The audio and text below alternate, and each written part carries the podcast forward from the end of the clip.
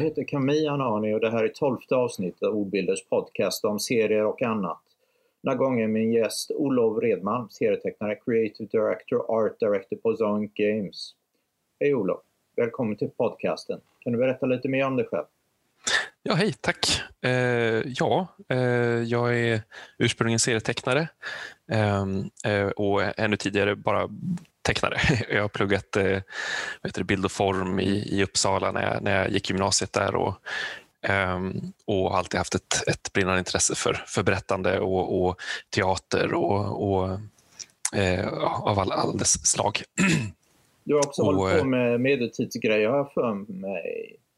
Jag tror jag har sett några på Instagram. Ja, jo, jag, jag, jag, någonstans där under bild och form så, så upptäckte jag eh, live också. Eh, man fick ju testa på teater där och så hade jag vänner som, som, mm. eh, som eh, lajvade, eh, som tog med mig ut, ut på vad heter det, Elerias live utanför Västerås där man klädde ut okay. sig till eh, trollkarlar och orcher och alver och, och det var väldigt mycket man fick mycket utlopp för, för sitt berättande mm. och, och eller liksom improviserad teater och, och komma på karaktärer och Eh, mycket simulation. Eller liksom, man får liksom verkligen testa på hur skulle, man får se mycket bra exempel på, hur, på karaktärsutveckling. Och hur... Tycker du att det hjälper att agera käll när man försöker skapa berättelser?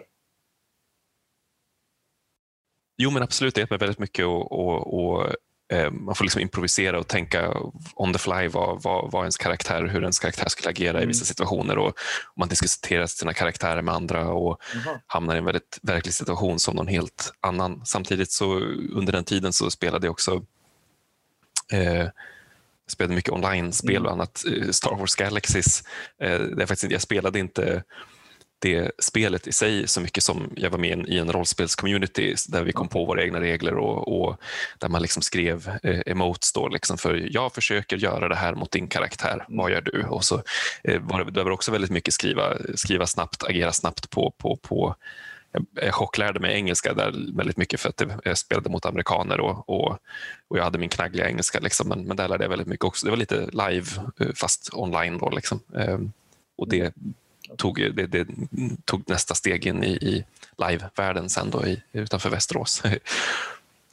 Men hur började själva tecknat och sånt? Hur, hur kom det in i ditt liv? Jag antar att du som många serietecknare började teckna väldigt tidigt? Ja, det har väl alltid varit, det har alltid funnits en kreativ ådra liksom i, i, i, min familj. Så där mamma mm. har alltid, mamma, mamma pappa, pappa har tecknat väldigt mycket, mamma har vävt mycket och mina syskon har ritat mycket också. Och min syster var väldigt mycket inne på realistisk stil och introducerade mig till Elfquest. Mm. Och min brorsa gillade mycket cartoonigt och gillade, gillade han gjorde mycket skämtteckningar och, och mm. introducerade mig till Bone och så. Eh, och, och, så det var liksom, Bone var, var min, min främsta det var liksom min största introduktion till eh, serier, den och serieparaden. eh, men Bone har verkligen... rätt ung då eller? Ja, vad var jag? Ja, men, säkert eh, fem, sex år gammal, sju år. De, de mina, eh, mina syskon och, och föräldrar läste, läst, eller var under den tiden då, då man prenumererade på den. Så jag minns inte om jag, var, jag kanske gick i ettan eller någonting. Men, men... Det, det måste vara den svenska utgåvan. Jag vet inte om hela gavs ut på svenska eller bara en del av ja, den. Ja, jag tror att det, det, började med att pappa läste den för mig och min brorsa. Och sen så mm. kom den, började den komma på svenska och då började jag läsa själv så smått tror jag om, jag minns, om jag minns rätt. Den var så otroligt atmosfärisk och, och man, verkligen, mm. verkligen, man verkligen försvann in i den världen. Det är ett tag sedan jag läste den, men jag minns att den var väldigt fin. Men jag vet inte om jag kan säga att den riktades direkt till barn. Kanske Nej. lite allålders egentligen. Ja, den var sådär lagom äh, läskig och, och äh, ja, äh, det var en riktigt otäck antagonist där. Det var en häftig, häftig berättelse där om, mm. ja, jag ska inte spoila någonting men den är gammal nu. Längre in i berättelsen ja. djupare tycker, blir den tycker jag. Ja, jag måste läsa om den snart. Ska prova, prova den här färgutgåvan kanske. Ja, har de gjort det också? Se om den verkligen rädd bara förstöra minnet av den. Men, Men mm. uh, var det den första serien du läste eller började du ännu tidigare med de vanliga? Bamse också? Ja, Bamse och Tintin läste mina, eh, mina alla möjliga i familjen läste, läste den för, för mig. Eh, min bror bytte ut manuset och hittade på egna berättelser till, till, till det och improviserade. Det var mycket roligare tyckte jag. Men, eh, men, eh, ja, nej, men mycket, mycket europeiska serier. Många som jag inte kommer ihåg namnet på, så där, men tyckte om att låna på biblioteket och försökte alltid övertyga eh, förskolläraren att, till varför det var vettigt att jag skulle få eh, låna en serietidning, en seriebok istället för en, en riktig bok. Ehm, men eh, ja, Var det i Eh, den så- vevan som du började försöka göra något serieaktigt eller kom det senare? Eh, Ja, men mycket tidigt så gjorde jag några, liksom en, en, jag, gjorde, jag gjorde seriestippar mycket tidigt, ofta med någon, eh, vad- någon Mm. actionhjälte som, eller någon, någon, eh, eh, någon, någon hjälte som jag kallade för Gust.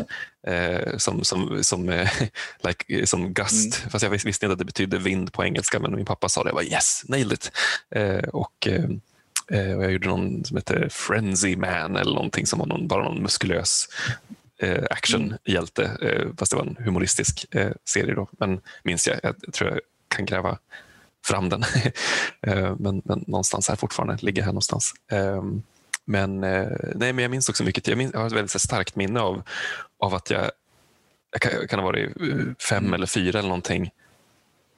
Och jag hade ritat en, en bild med någon jätte eh, ja, men några väldigt abstrakta former, några gubbar med näsor och, och ögon. Och jag visste att de var, de var familj och de hade en berättelse. Ja. Eh, och de hade, de hade, hade liksom, det var svårt att beskriva, men jag hade liksom en, en obeskrivlig känsla av att det finns en massa story här eh, och jag vill berätta det.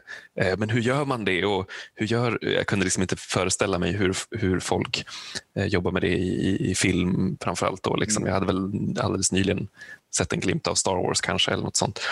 Eh, ja.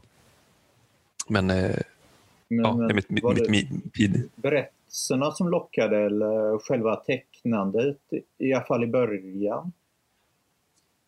eh, det är både och ändå. Jag har alltid tyckt om att, att berätta och spela Mm. ut. och liksom, Jag klädde ut mig som liten och, och eh, eh, lekte kappen, Kapten Krok och satte upp ett bord med massa grejer som jag välte omkull bara för att få agera ut. Det, som det var någon, jag tror det var den tecknade Peter Pan-filmen så tyckte det var så häftigt när Kapten Krok blev ras, fick Mm. ett raseriutbrott och hade omkull sitt bord med alla grejer. Jag bara, oh, wow, vilken skurk! Eh, och, bara, eh, eh, så, eh, och det är än idag så ja, jag kan relatera till det som vad heter det, Hergé sa, sa väl det att han, att han eh, att liksom teckningarna var bara ett, ett men för att förmedla en Mm. berättelse. Att han blev lite otålig efter, efter ett tag bara. Och jag älskar ju att teckna men, men det, det, är det mest frustrerande med serier tycker jag att det, som, är, som säkert de flesta känner att det tar sån otrolig tid. Och, och om man hinner till, för min del så hinner jag, eh, tar det sån tid för mig att rita ofta så att jag så att jag hinner komma på så mycket vad som ska hända sen att, jag, att det, det blir eh, eh, orimligt att, att, Ja. att eh, nå dit efter ett tag. Det. på vissa sätt är det ju rätt hemskt. Det, det tar så lång tid och jättemycket arbete och sen kan man läsa det på en timme eller ännu mindre beroende på hur många sidor det är. Ja. Nej, visst.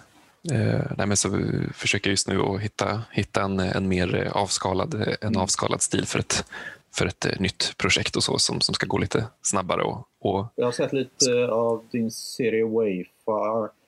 Det, det är mycket kontrast i bilderna, inte så mycket gråskala eller så i det jag har sett av den.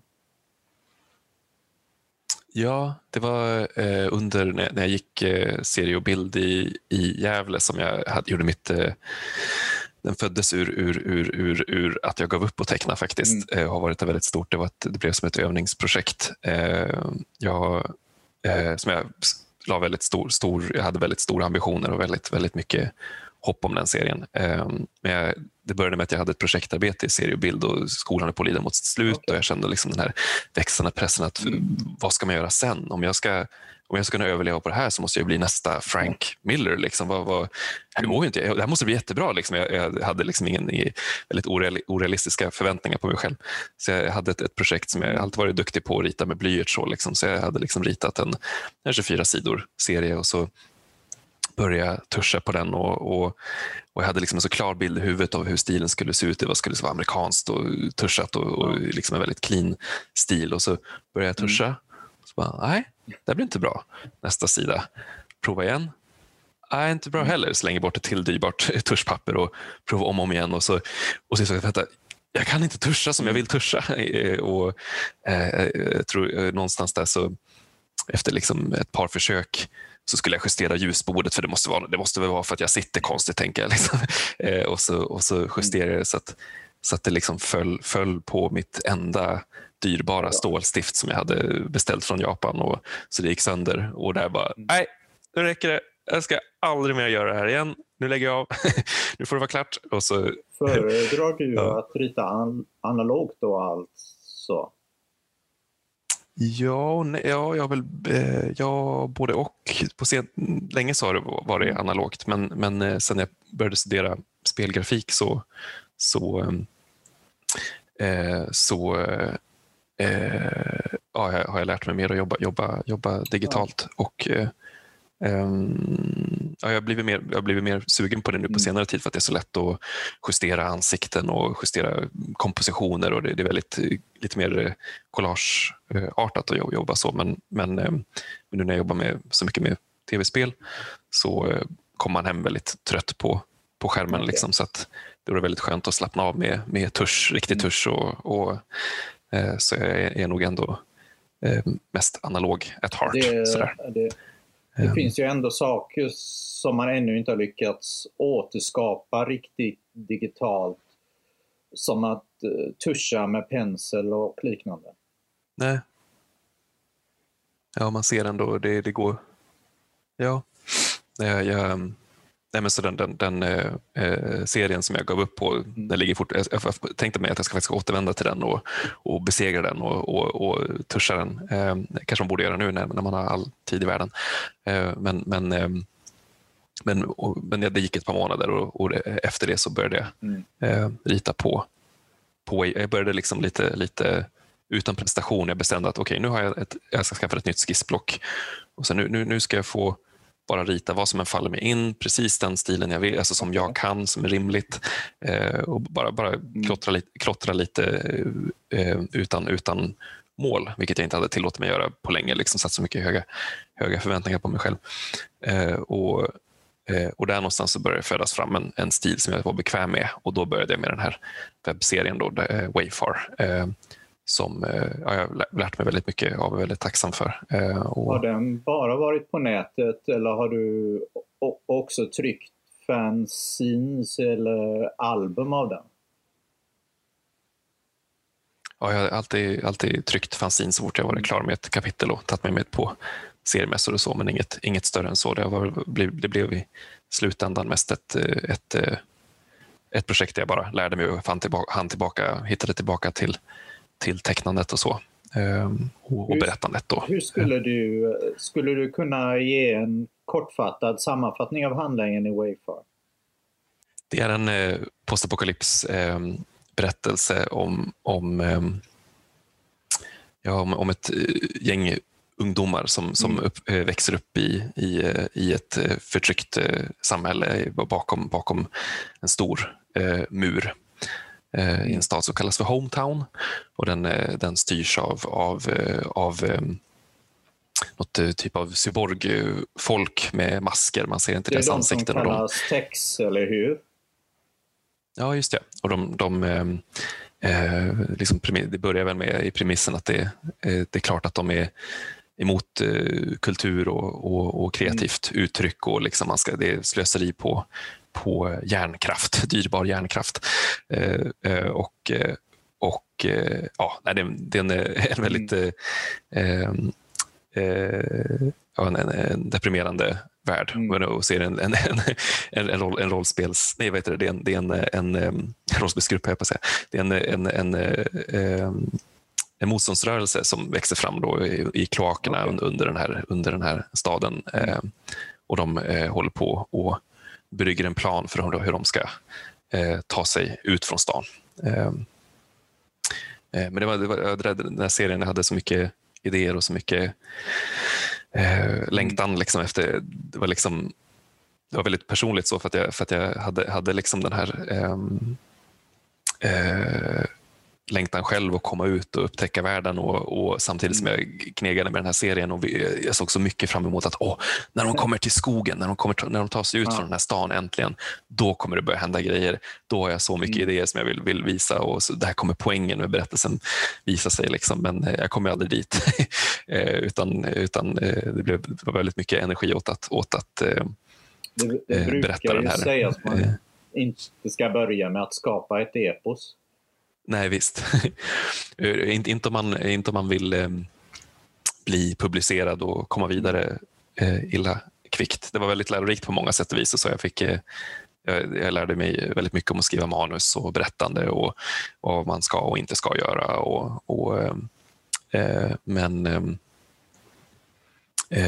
men ja, det var inte, jag, hade väl, jag kände väl alltid på mig att det här kommer inte riktigt, det här passar inte riktigt in till något särskilt förlag som jag kan komma att tänka på.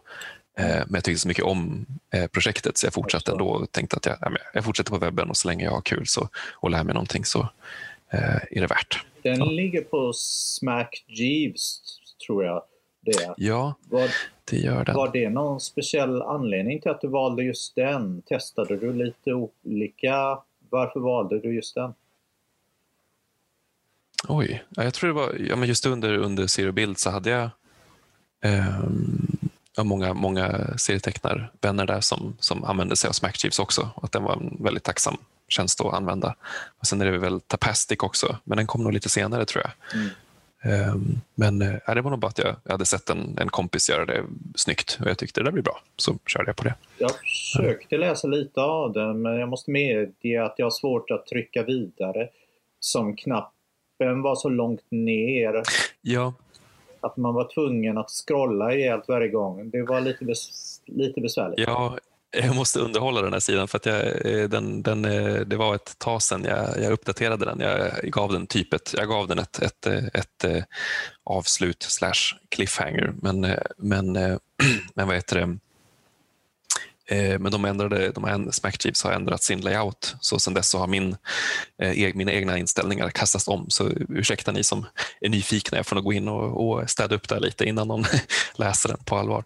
Eh, men, ja. Men, om vi ska ta ett steg tillbaka en aning. När var det du började med den serien?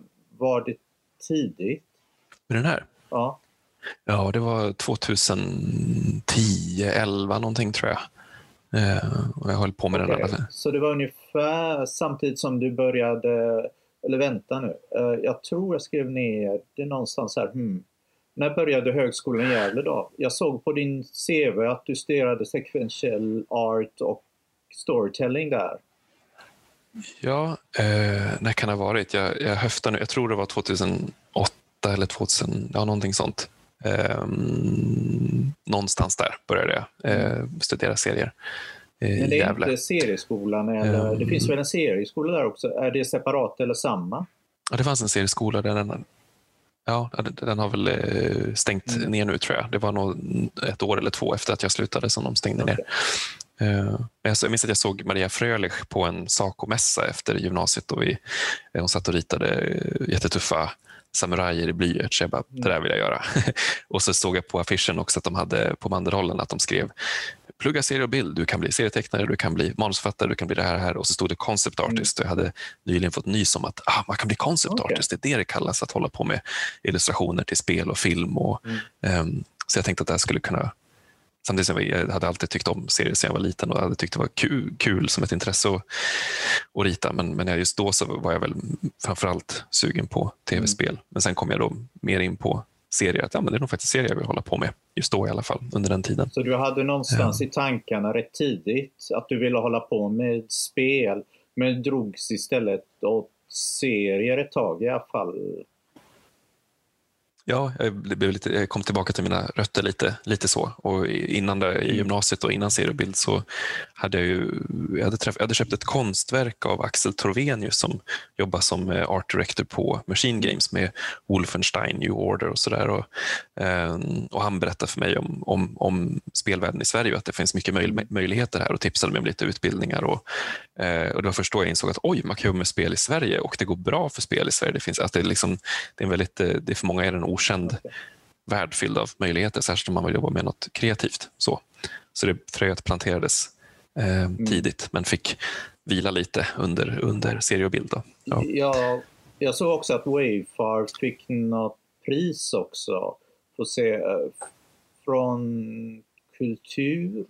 Jag vet inte vad det heter på svenska. Culture Com Committee of Uppsala Awards står det här. Ja, jag ska säga faktiskt diplomet här. Jag ska bara gå och hämta det.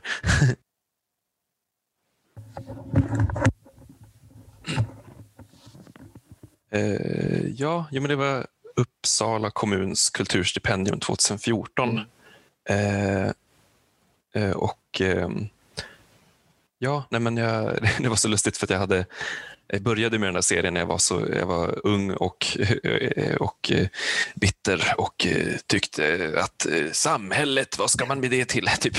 Och, och liksom det var väl så den här idén först, liksom den, den serien utvecklas väl lite med hur jag utvecklas som person ja. tror jag. Liksom, den börjar väldigt bittert och ju mer jag liksom började skriva manus så hade jag liksom en mer en, en syn av att det ska liksom bygga från, att det liksom bygger från någonting väldigt deppigt upp till någonting mer positivt. Liksom. Mm. Det var väl det jag såg fram emot att komma till med i, så småningom. Uh, jag, jag, jag, ville väl, jag ville väl göra något, jag ville liksom jag ville liksom uh, vara, rebellisk med den här serien. Då. Och sen så var jag ja, nej, samhället ser inget värde i konst eller vill inte stötta mig. Och, och så fick jag stipendiet och jag var så här, fan, men, det känns så himla fånigt plötsligt. Och liksom, och så här, vad kul, men nu finns det inget att rebella mot längre. Eh, men, men, men kände jag, det var, det var lite ironiskt. Sådär. Men, men det var väldigt kul att äntligen få, få någon form av bekräftelse för att ja, du har en plats eh, i, i, i samhället som konstnär. Men var det från att de såg eller läste den på nätet som du fick priset? Nej, jag, sök, jag sökte själv. Jag fick tips eh, okay. och, och ja, tänkte varför, varför inte. Um, så ja. Um. Men jag, jag undrar när, när, du, eller det är ju inte alltid man klarar av att läsa om sina egna grejer, serier eller vad man har skapat det för ett tag, men jag funderar på, eftersom du höll på med den så pass länge, om du läser om den lite, får du flashbacks till olika perioder i ditt liv också? Eh, det tror jag, ja, det, senast jag läste den så fick jag det. Jag kan liksom minnas väldigt tydligt. Ibland kan en, en sida ha tagit en månad eller en vecka, eller, men jag kan minnas väldigt tydligt hur jag mådde när jag ritade den, eh, ritade den sidan. Och, eh, det var mycket frustration. Det var en otroligt bra läroprocess. Och, men okay. men eh, ja, det var under en väldigt tuff Eh, del av mitt liv också så där, när, jag, när jag var arbetslös och eh, liksom ville bryta igenom som tecknare men, men fick liksom inte riktigt någon fot in och sådär. Mm. Eh, och, men, eh, eh så det, ja, nej, men det var en väldigt utvecklande eh, terapeutisk serie. jag fick, du började den innan du började studera på högskolan eller har jag missuppfattat det?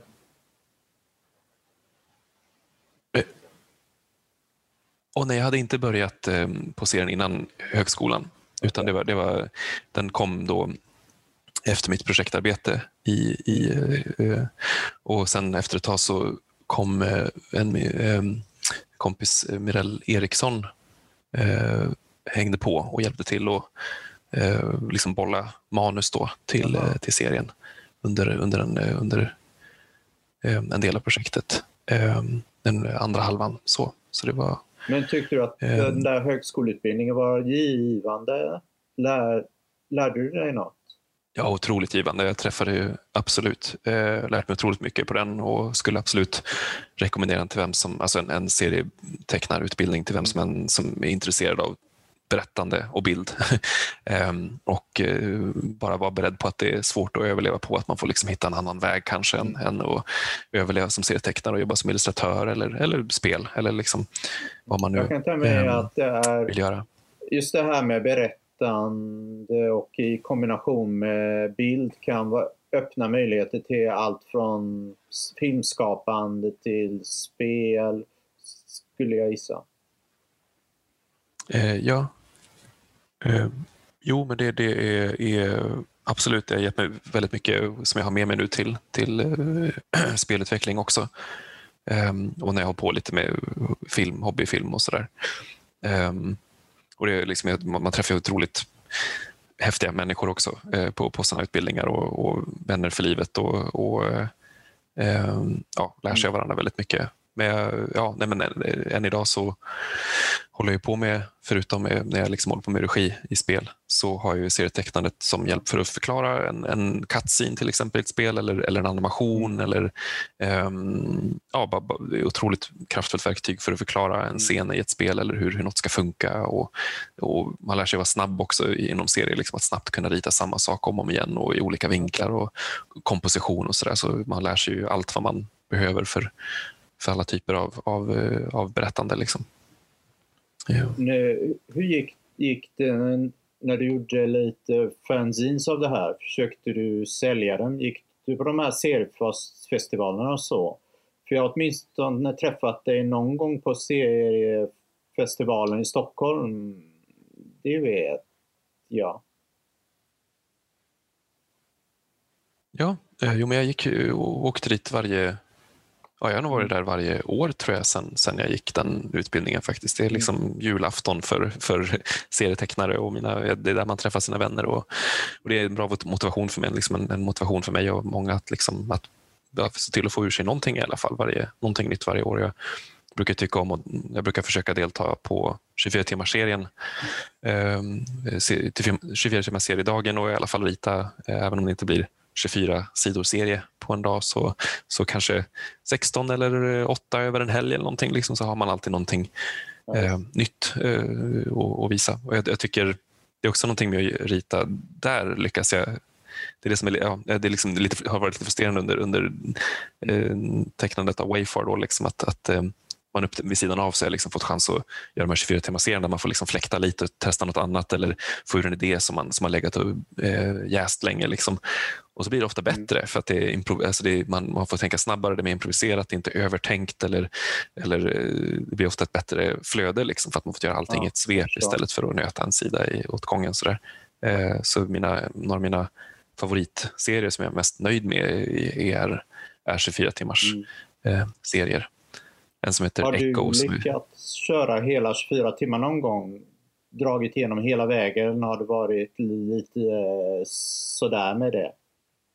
Ja, jag gjorde en, en 16, jag gjorde en 16 timmars serie eller två under, under tiden på serie och bild och um, försöker minnas om jag gjorde en, en faktiskt 24 mm. timmars serie. Um, men eh, jag brukar väl alltid, jag brukar i alla fall göra det över en, över en helg med kanske sex timmars sömn eller mm. någonting däremellan. Så eh, mm. eh, ja, det brukar, det brukar gå.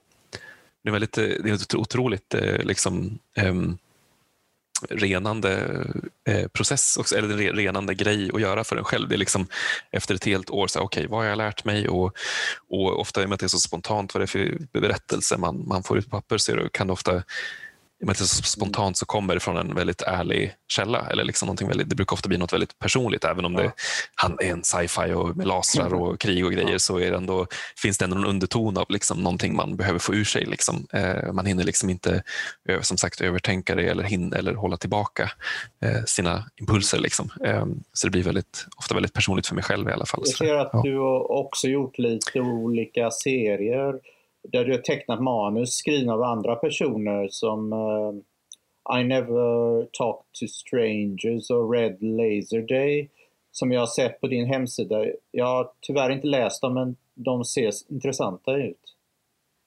Ja, den är på... Ja, just det. Eh, den, de, eh, Red Laser Day var en, var en, en jag gjorde, det var vet du, Uppsala Comics som startade en, en serietecknare tävling eh, och, då ville de ha en första exempelserie på så här kan det se ut om du vinner en, eh, en eh, ja, de ville ha ett, ett, en, en första serie till deras årliga serietecknartävling och som en cyberpunk one-shot. Det var, det var också vet du, Old, Old Ghost var, var, gjorde en, ett nummer av en, av en gammal, det var en avdankad gammal hundra, eller gammal eh, hit, Hitman mm. som var skriven av eh, Mark Bertolini, en, en, författare på, på 215 Inc i, i USA eh, som letade eh, tecknare till en lite mer han ville ha liksom en, en mer europeisk look på den här berättelsen om en, om en gammal fransk eh, superhjälte med, med snipergevär som är ut för att, på ett sista uppdrag för att jaga någon, någon annan superskurk. Och, det, ja. Um, och så den där eh, Never, I Never Talk to Strangers, också 215 ink. En serie som jag gjorde, gjorde ungefär runt två, Det är den som ja, var en vampyrberättelse eller I Never Talk to Strangers? Ja, precis. Det är faktiskt en antologi som är, som har, alltså det var, den serien gjorde jag väl 2014 när jag började plugga eller 2015 när jag, när jag pluggade eh, eh, spelutveckling i Malmö. Eh, men den, den, det var till en antologi eh, med serier baserade på låtar av Tom Waits okay. Eh, som har bara sköts upp tills nu. Så nu i tidigt 2021 så ska de tydligen eh, släppa Aha, den om allt går som, som det är tänkt. Så, så det, det, är kul. Det, det, det, var en sån serie som jag nu, bara, bara, bara två veckor sedan som jag grävde upp den och från bad med och författaren Mark Romaski eh, ville, ville att jag skulle titta på. Han hade mm. lite ändringar på manuset som jag vet skulle kika på. Då. Var ändå kul att gå tillbaka och putsa upp lite och se ja det här är svårläst och det här är... Eh, ja, men så det var, det var kul att gå tillbaka till det och se att det funkar faktiskt. Det är skönt att titta på en Eh, mm. Skönt att kolla tillbaka och inte skämmas helt och hållet för, för det man gjorde för några år sedan. Liksom. Ja. Var det första serien du gjorde som var skriven av någon annan än dig själv? Ehm, ja, den Old Ghost var den första jag ritade åt någon annan eh, rent professionellt. Sådär. Sen har jag målat, jag målade också eh, En ohelig allians av Daniel ja. Tolin. Hans, eh, tror jag, ehm, är det hans solodebut? Jag kommer inte ihåg om det är det. det jag kanske säger fel nu, men det var en serie om, om men lite mer, en, en okult serie om, om, om karoliner med lite övernaturliga lite eh, Cthulhu-inspirationer. Jag undrar om jag har läst den. De gjorde flera serier med koppling till Lovecraft tror jag. Ja, just det. Den också. Den är Tusen ögon-serien eh, eh, där som Just det, som utspelar sig i, i Uppsala. Tentakler som kommer ut ur domkyrkan och tar över stan. Och så. ja, det var kul. Det känns det obekvämt ja. i början att jobba med annan person i serie. Eller fungerade det bra? I, I och med att det var ett annat sätt att arbeta än du gjort tidigare? Eh, både ja och nej. Alltså det var väldigt lärorikt en gång att mm. liksom rita.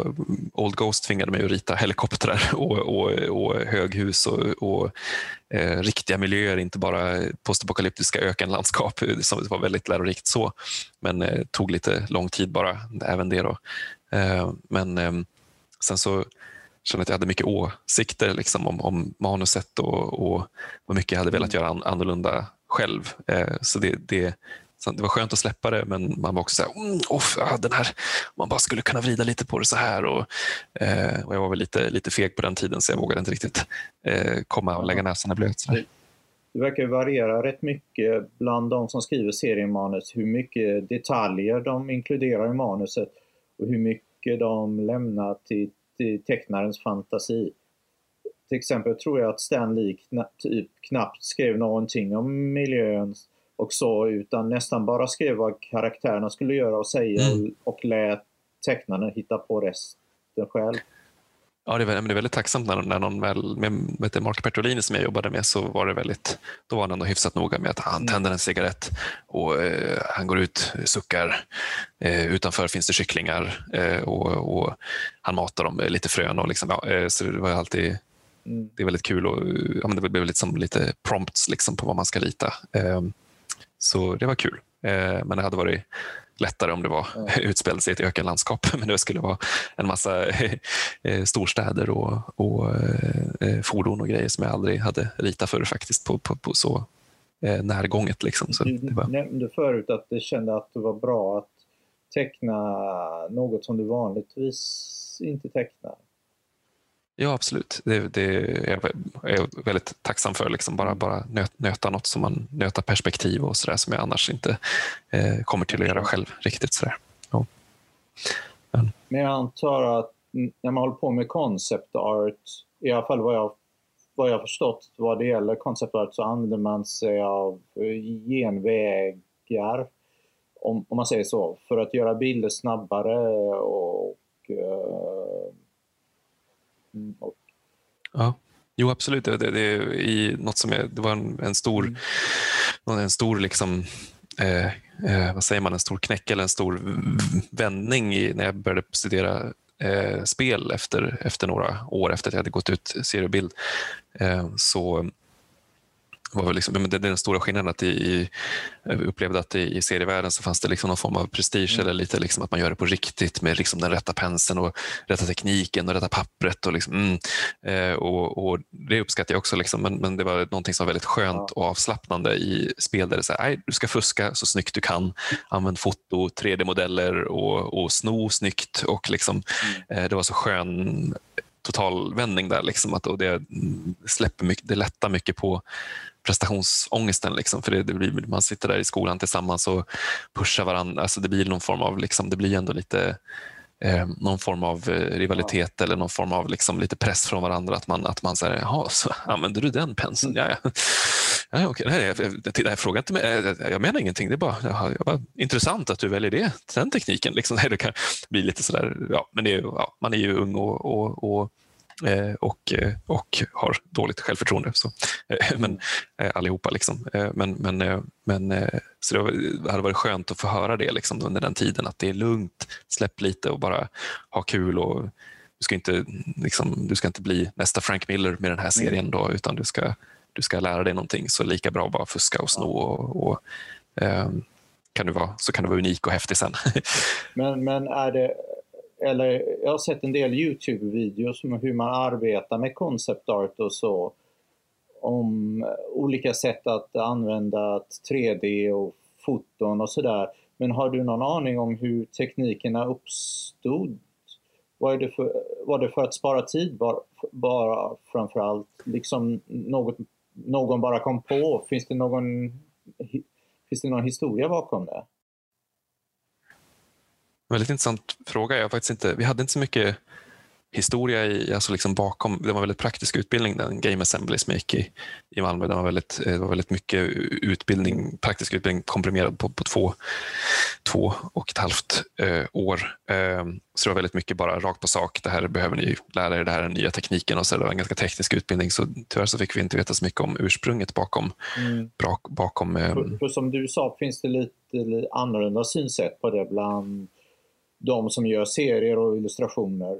Och det finns ju till och med överdrivet extrema versioner som man ser på nätet ibland som påstår att man inte ens ska använda referenser. Ja. Ja, just det. Eh, ja, nej, men det, det, är väl, liksom, det är väl mm. för att det tyvärr är, alltså det, är det som är tråkigt med spel är väl att det är, en, det är ju en, liksom en, en, det är en väldigt stor, ett stort maskineri och man hör ju mycket om, om folk som jobbar övertid för att eh, liksom släppa o, orimligt häftiga spel eh, och, och på orimligt kort tid. Och, och eh, så det är väl där det kommer, kommer ur såna här, eh, även från film, att, att man ska fotobärsa och göra mm så snabbt som möjligt producera eh, jättehäftiga koncept som förklarar hur någonting ska se ut i minsta detalj. Um, um, men det är kul. Uh, hade väldigt skoj med det. I, i, jag fick aldrig chans att göra det så mycket i, i, eh, i, um, i mitt jobb för att vi gör mer stilistiska mm. uh, spel och så.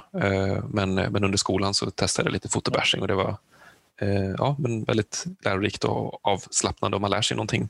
Man, liksom, man, man eh, suger upp eh, perspektiven och, och, detaljerna även om det inte är dina som du har tecknat utan du målar in dem i, i en bild. så eh, ja, mm. ja, Även att hålla på och jobba med 3D. Är, är Game Assembly uppdelad i rätt smala inriktningar eller en rätt bred utbildning? Det man studerar där alltså?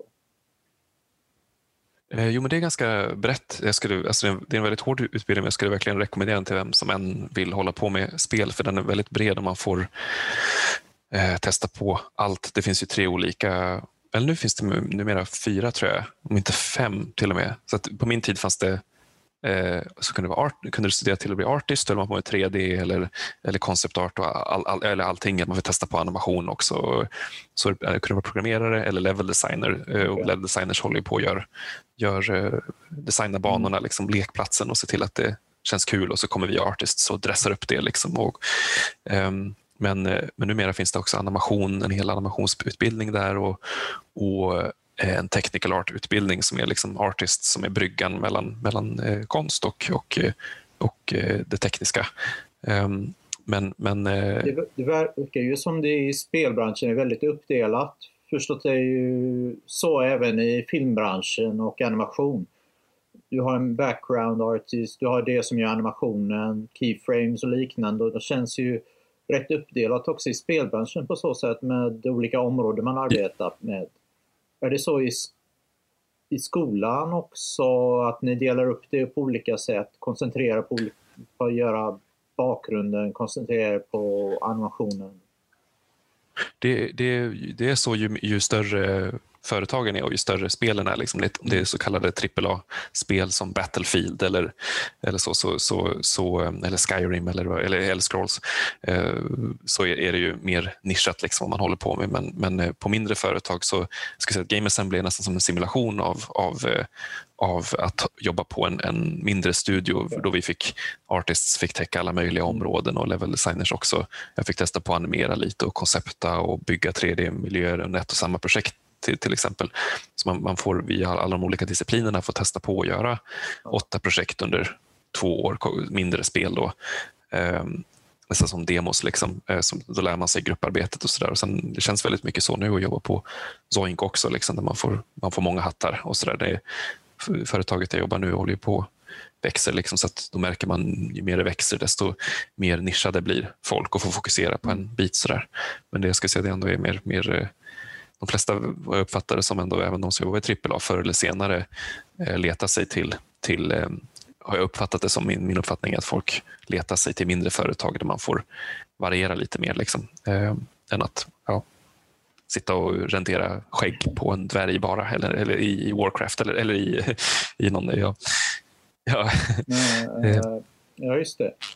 Jag vill fråga dig om en sak eftersom du både arbetar som creative director och art Director på Zoink Games. Vad, vad innebär de positionerna inom spelbranschen? För jag tror det är lite annorlunda än Creative Director i, och Art Director i designbranschen. Jag har fått uppfattningen att det ingår mer i alla fall art, i Art Director inom spelbranschen att handlar det mer om att verkligen kunna teckna bra. Eller har jag fått helt uppfattning om det? Ja, det är för min del när jag, när jag varit eh, art director så, så eh, det, var, det var på jag var director på Ghost Giant, där var jag också creative director som var ett VR-spel som vi gjorde tillsammans med vi, Sara. Bergmark Elfgren som skrev manuset till det spelet. Och, eh, det var ett VR-spel där du, där du är en, en enorm jätte som leder en liten, en liten pojke genom hans vardag. Lite Iron Giant-feeling på det, liksom, men bara han kan se dig och ingen annan. Och han håller en massa hemligheter för, för de vuxna om var hans mamma är någonstans. Man ska försöka luska, luska ut lite vad det är som är problemet. Då. Eh, men, men, eh, men där jobbade jag både som art director och creative director och upplevde jag, inte, jag fick inte så mycket tid att rita snygga grejer. Så tvärtom tror jag faktiskt inom spel att ofta, ofta så, oftast så är det bara att snabbt kunna förklara en idé och snabbt, oftast, jag upplevde att jag oftare fick menar, feedbacka concept artist som eh, målade mycket snyggare grejer, att jag fick komma in och mm. klottra på det. Ja, men den här siluetten, lite så här, eller drog lite bilderna och liksom, det var lite mera klippa och klistra. Bara, kan du rita det här? Förklara hur de ska rita snyggt. typ, eh, det var också, också att eh, okay. liksom, ta screenshots eh, på, eh, på scener i spelet och måla över det snabbt. Bara snabbt kunna förklara en idé. Och så är det, finns det andra som är duktiga på att rendera. Så, eh, men det är bra att ha, det är klart det är bra om man, det är absolut en fördel om man har Eh, om man är duktig illustratör sen innan och har en känsla, man, man måste ju ha känslan förstås för komposition, komposition och det har man ju oftast om man har övat tecknande innan. Och, eh, nej, men som art director fick jag hålla på med allt möjligt. Med liksom, det som, de rollerna smälte ihop lite för mig där med creative direction och art direction. Det är liksom både det som regisserat, ja men den här karaktären ska animeras så här och så ska den gå in i scenen här ungefär vid den här tidpunkten och då spelar vi den här musiksnutten när den här andra karaktären säger det här till den karaktären och då triggar vi den här animationen så att karaktären hoppar till eh, och eh, sen blir allting svart. Eller, eller, så det, där, där har du liksom en massa det är regi med, med timing och, och animation och så men det är också um, eh, vad, vad, som händer och, och också hur saker ska se ut och liksom att den här scenen ska kännas så här och den här karaktären ska se ut så här. Eller, men också som art director sätter man ju hela, som art director sätter man ju förstås hela liksom man, hela eh, tonen för hela spelet och bestämmer stilen och, och samlar en mood, ett, ett moodboard liksom, och försöker hitta ramar som alla artists håller sig innanför. Liksom. Eh, och som creative director nu jobbar jag på ett spel som heter Lost in Random som är ett mer Tim Burton-esk, lite mer gotiskt äventyrsspel. Mm. Eh, lite, jag eh, brukar kalla det RPG mm. for dummies. Liksom. Det, ska, det, det, är ett lite mer mm. avskalat eh, RPG. Liksom. Eh, och, och, ehm, men där jobbar jag inte som art director då och då är det mer tydligare att det, där, då handlar det mer om, där jobbar jag tätt med en jätteduktig konstnär som heter Viktor Becker som är, som är art director. Då. Och han är väldigt mm. duktig på att måla och liksom, hans målningar har blivit nästan grunden till många av berättelserna i spelet och hur karaktärerna är som personer i spelet. Så han är både concept artist och art director. Eh, men, men där, där håller jag med på och liksom, eh, jag bara försöker den främsta rollen för en creative director slash game director är väl att bara samla hela visionen och hålla koll på alla disciplinerna och se att, att eh, jag menar att känslan i spelmekaniken passar med eh, storyn och att det klaffar liksom och att, och att stilen passar in i det också, mm. att allting bara passar. Så man, man blir lite mångsysslare och jobbar med väldigt mycket med att feedbacka alla områden och bara se att... Måste man som creative director mm, ha koll på projekthanteringen och hålla koll på deadlines och så? Eh, ja, delvis, men det, det, där har, är det mer en producent som har det större ansvaret. där att, att eh, Jag jobbar tätt med Maria Svenningsson, heter hon, som är på Lost in Random, som är ett duktig producent. Eh, som hon, hon mer, jag pratar med henne om vad vi har för knasiga idéer och kollar om vi har tid med det. Och hon planerar upp det mm. tillsammans med så kallade leads. Som, vi har en lead designer, Marcus Ingvarsson, och lead programmer Niklaus Teologu som, som då alltså, lead-programmen kollar vad, vad, vad, vad som behövs eh, tekniskt för att få saker att funka och har vi tid att göra det. Lead-designen kollar att vi hinner, hinner få, få in alla features som ska in i spelet, alla, alla mekaniker och alla, att vi hinner um, att alla designers hinner skripta spelet och få allting att funka som det ska enligt manus och sådär. Mm. Um, Ja. Så det är många, många kockar, eh, många eh, olika ansvarsområden. Liksom, som Ghost var ett ganska litet spel och då, då, då, hade vi inte lika många leads eller, eller, eh, och jag kunde ha två hattar. Då, liksom, men det blir lite knaggligare när man är ett större projekt. Ja. så här, Men, men det, måste, det måste finnas fler, fler eh, personer som delar på rollerna då, liksom, för, för att vi, man ska hålla mm. och bli klar. hur, hur många personer brukar ni vara på ett spelprojekt på Zoink? Eller det beror kanske på vilket spel antar jag? Ja, det, ja, det växer mycket för varje år. Det har länge varit 10 till 20 personer på Soink tills nu Lost in Random där det är närmare 40. Eh, nu när det är lite mer ett, eh, nästan mer åt trippel A, hållet eller dubbel A. eh, och eh, ja, det, det, det växer. Det gör det. Det, det gick snabbt också i alla fall känns det som det bara några år sedan ni mergade ihop med de andra spelbolagen. Ja, just det. Nu är vi Thunderful eh, Development tillsammans med vad heter det, mm. en studio i Skövde som heter Guru Games och eh, vad heter de, Image and Form här i Göteborg också, våra, våra, eh, som har länge varit våra kusiner brukar vi säga, eh, som, som, som okay. eh, jobbar med Steamworld-spelen som är väldigt populära på Nintendo Switch och, och så. Mm. Ehm, så ja, många kloka skallar på en och samma, ett och samma företag. Ja. Eh, jag tänkte fråga dig en annan sak också. För du arbetade på spelet Fe också, eller hur? Och jag ville fråga om serien du gjorde. För du gjorde en serie om Fe också. också. Ja, just det. Tack för påminnelsen. ja, eh, ja, nej, men... som jag har här också förresten. Ja, just det. Ja, men den är en av de som jag är lite extra nöjd med. Det är väl ändå det största projektet så, alltså den största liksom, publikationen jag har fått göra. Eh, men det, det, var, det var en promotional comic för, för eh, spelet Fe då, där man spelar som en eh, flygekorre i en magisk nordiskt inspirerad eh, skog. Och så flyger man runt och sjunger med, med djuren i naturen och blir kompis med dem för att kunna mm. besegra de elaka cyborgerna som tar över skogen. Det var mycket min smak eftersom jag just hade kommit från Eh, Eh, just knutit ihop eh, Wayfar också, så där med cyborger och sådär. där. Eh, så jag hade lite erfarenhet av det. Men, var, var det ditt, ditt förslag att göra en serie som promotion eller var det bara naturligt att när det kom upp att du skulle göra det?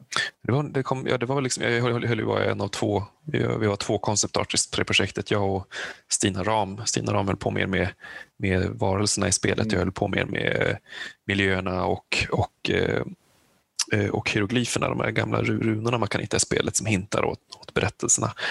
Ehm, och eh, ja, Klaus, min chef, hade väl märkt att jag gillade serietecknande. var det. Jag hade, jag hade använt Wayfarm som mitt portfolio, liksom ett exempel på en serie som aldrig riktigt, jag menar jag blev aldrig riktigt mm. klar med det projektet som jag hade tänkt. Men det, det, eh, jag använde det för att, för att visa att jag kan berätta och, och eh, det gjorde att jag fick komma in på Soink eh, och, och så småningom göra den här serien. Då, liksom. så det, man har så mycket ofta en uppfattning om hur man ska komma hur man ska slå igenom och hur, hur man ska lyckas med någonting så att man missar eller misstror att det finns en möjlighet att komma in på ett helt annat håll. Liksom man, man vet aldrig riktigt hur man, hur man lyckas eh, eh, få ut sina verk. Liksom. Men det var, det var väl, eh, ja, nej, men de, de märkte väl att jag tyckte om att teckna serier och bara, kan inte du göra det här? Mm. Eh, så det var ganska casual. Sådär. Har du jobbat mycket med färg i dina serier? Fe-serien är i färg och kortserierna du gjorde för antologierna var i färg, eller hur? Uh, ja, det, um, det, var, det var väl den första färgserien, ordentliga färgserien jag gjorde var väl, var väl Old Ghost och sen okay. jag, alltid var, jag hade väl alltid varit ganska mm. obekväm med, med att teckna eller måla digitalt. Uh, det var först i, i uh, spelutbildningen som en, en klasskompis. Det var det bästa eh, tipset. Jag, Esbjörn Nord heter han förresten, otroligt duktig concept artist som jobbat på Battlefront nu och, och är, han är på en, en Bark Studios nu och jobbar på något nytt spännande projekt där. Men han, han, han kom till mig och, och mm. jag frågade bara Esbjörn, du som är så duktig, hur, hur ska jag komma igång och lära mig att måla digitalt? Bara, det är så svårt att liksom få till, man får sån, ja, helt enkelt prestationsångest. Han kom, han kom och sa, okej, okay, um, ehm, du tar till exempel den här penseln, mm. säger vi kanske på den här storleken ungefär. Uh, och sen uh, målar du bara kör.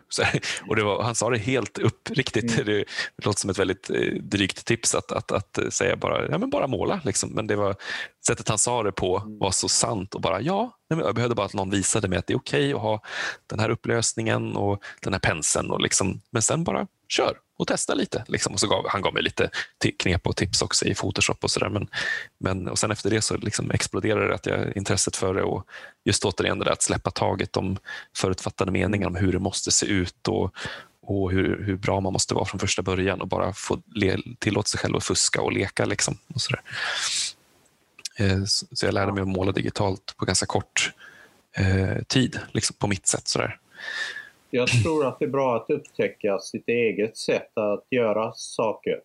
Det är inte alltid så att andra har svaren för sätten som passar en själv. Ja visst, det är lätt och, alla har ju liksom haft sin... Jag sitter ju här också och babblar om min väg som jag tycker är, är, är den rätta vägen. Liksom. Men, men, men att eh, det är verkligen så himla eh, individuellt. Och det är lätt att känna, även fast det här har funkat för, alltså att det som har funkat för en själv kanske inte gör, eh, funkar för någon annan på samma sätt. Eh, och att man måste lyssna på vad man tycker är kul och eh, ha lätt för att komma igång med liksom, så man inte ger upp för att det är tråkigt mm. eller så. När, när um, du har målat med färg, är det mest i Photoshop du har gjort det när du har gjort det digitalt? Ja, det är, det är i stort sett bara Photoshop skulle jag säga. Ja. Mm, jag tänkte att vi kanske ska försöka runda av samtalet snart. Är, är det något speciellt som du tycker vi ska prata mer om? Som vi har missat eller sådär? Um, tänka efter. Um, ja, nej, men bara, bara mm. jag, jag tänker nu off the record bara, bara på det här att, att, liksom, att man kanske är så fast besluten på att det är just en grej, alltså just serier eller just um, man kan bli så fast besluten på just mm. att det är en grej man ska göra och är ämnad att göra liksom, på ett visst sätt. Eh, men att eh, eh, det kan ge det kan vara skönt att släppa taget på det och ge, ge uttryck för, alltså att släppa taget på det och se att en skapande kan ta så många olika former och att serietecknare är bara ett ord och, och, och även spelutvecklare är bara ett ord. Liksom att I slutändan så, så tycker jag det är viktigt att man är att som kreatör att man är kreativ och, och eh, gör det man känner för. Ja, det låter som um, kloka ord. Och, och, eh, och, att man liksom inte... Um, vad säger man? Att man inte liksom klandrar sig själv för att man kanske inte mm. eh, lyckades med just det, den här klara bilden man hade väldigt tidigt av vad man skulle bli och hur man skulle bli det. Eh, och inte ger, ja. ger, upp bara för att det inte gick riktigt utan liksom det kan leda till oväntade saker. Så det är väl en, ja. en eh, grej jag skulle vilja säga mm. till kämpande serietecknare där ute. Eh, eh, det, eh, det, hoppas jag de ja. tar till sig. Mm. Uh, var kan mm. folk kolla upp, kolla upp dina grejer? Eh, jag har en, eh, en Instagram eh, och en Twitter som båda heter Olov R. Så Olov med V. Ett, ett Olov R. Det är väl där jag är mest aktiv. Mm. Ja. Då vill jag säga tack Olov. Det var trevligt, lärorikt att prata med dig. Ja, tack. Ja, det, det är med. Skönt att, skönt att få prata av sig i dessa tider. Ja. I am so lonely. Som alla andra. Ja, tack och hej då. Hej då. Tack, tack.